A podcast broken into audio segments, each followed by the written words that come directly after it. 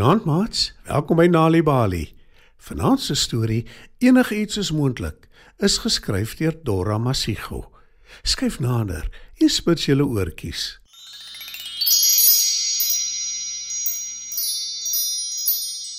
Daar was eendag 'n hen met 3 kuikens wat saam met 'n koei op 'n plaas gebly het. Die koei loop graag in die veld en wei. Sy kuier ook graag saam met die hen wat haar beste maat is. En dan gesels die twee land en sand. Koei is erg oor die klein kuikens. Ek gesels ook altyd lekker met hulle. Op die dag loop Koei alleen in die veld. Dis die einde van die winter en daar is nie meer gras oor vir haar om te eet nie. Sy is baie honger en loop en soek vergeefs na 'n grasspriet of twee, maar Koei kry niks nie. Toe hoop sy maar net dat die boer van die plaas vir haar hooi gekoop het om te eet. Sy is nogal moeg en besluit om vir haar maat, die hoenderhen, te gaan kuier waar sy en haar kuikens op die plaaswerf skrob. Hoender is baie bly om Koei te sien. My liewe maat, kan ek vir jou heerlike koel water aanbied om te drink?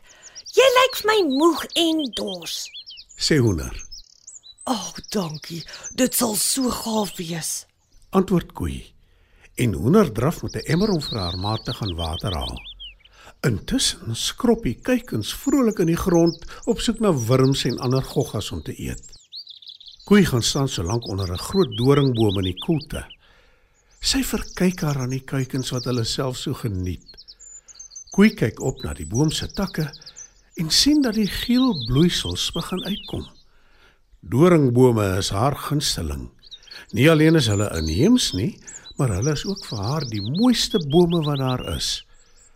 Koei se maag grom van die honger terwyl sy die spelende kuikens stophou. Sy kyk of sy hoender sien aankom met die water. Toe besluit sy sy gaan van die bloeisels en die nuwe blaartjies aan die doringboom eet. Koei voel skuldig want sy doen dit nooit nie. Maar die hongerpyne is net te erg. Sy kyk weer vinnig rond en toe gaan staan sy op haar agterpote en pluk blare en bloeisels van die doringboom af. Maar toe sien sy een van die kuikens vir haar loer. Ons het gesien wat jy doen. En ons weet hoekom. Ons sal vir niemand sê nie, dis net ons geheim. sê die kuiken. Toe bars sy uit van die lag en die ander twee lag saam. Koei is nou baie verleë. Sy het vergeet van die kuikens en dat hulle haar kan sien. En net toe verskyn hoender om die draai met die emmer water. Die kuiken giggel en kyk na sy ma. Wat is dit? Wat gaan aan met jou? Wil hoender weet, maar die kuiken sê niks nie. Hy kyk net na Koei en glimlag. Weet jy wat aangaan? Vra hoender vir Koei. Koei voel skuldig.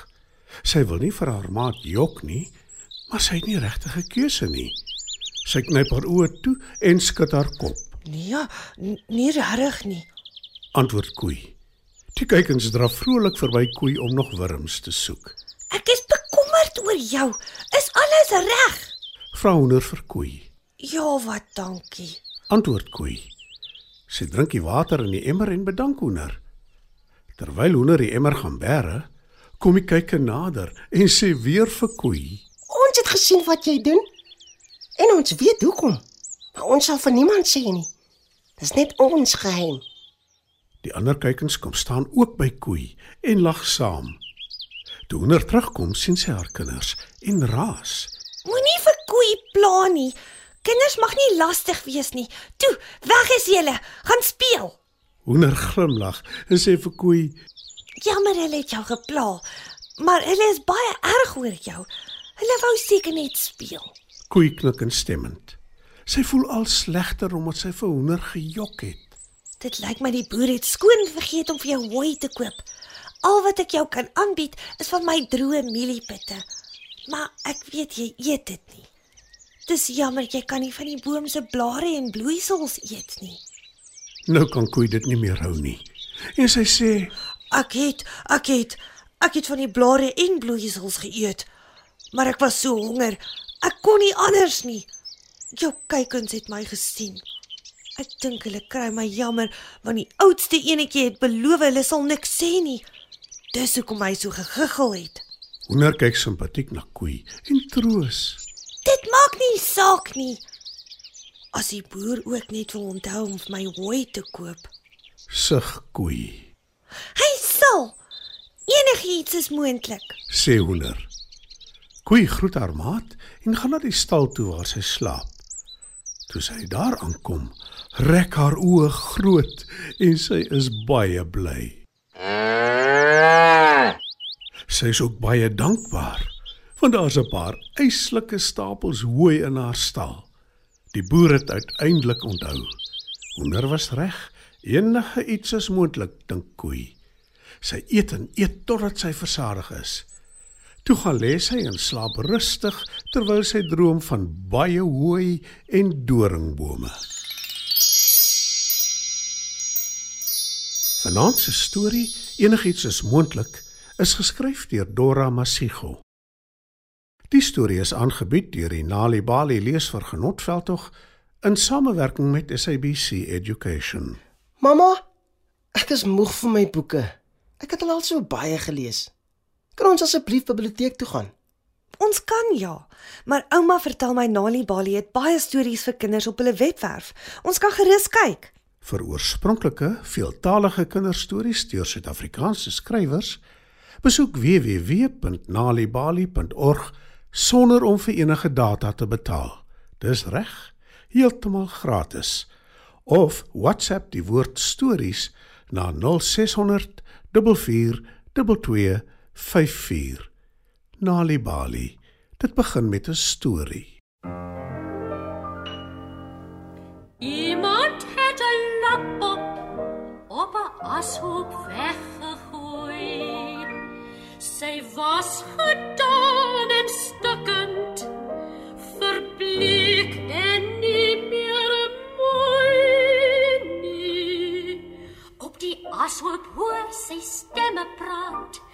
en die verwelkom haar.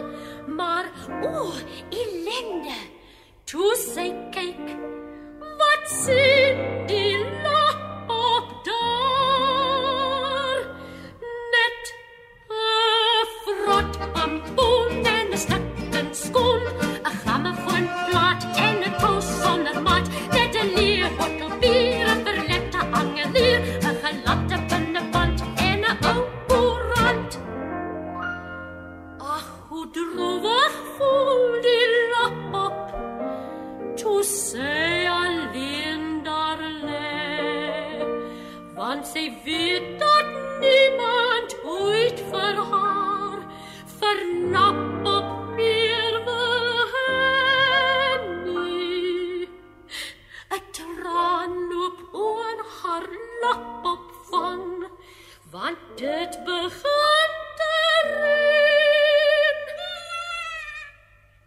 En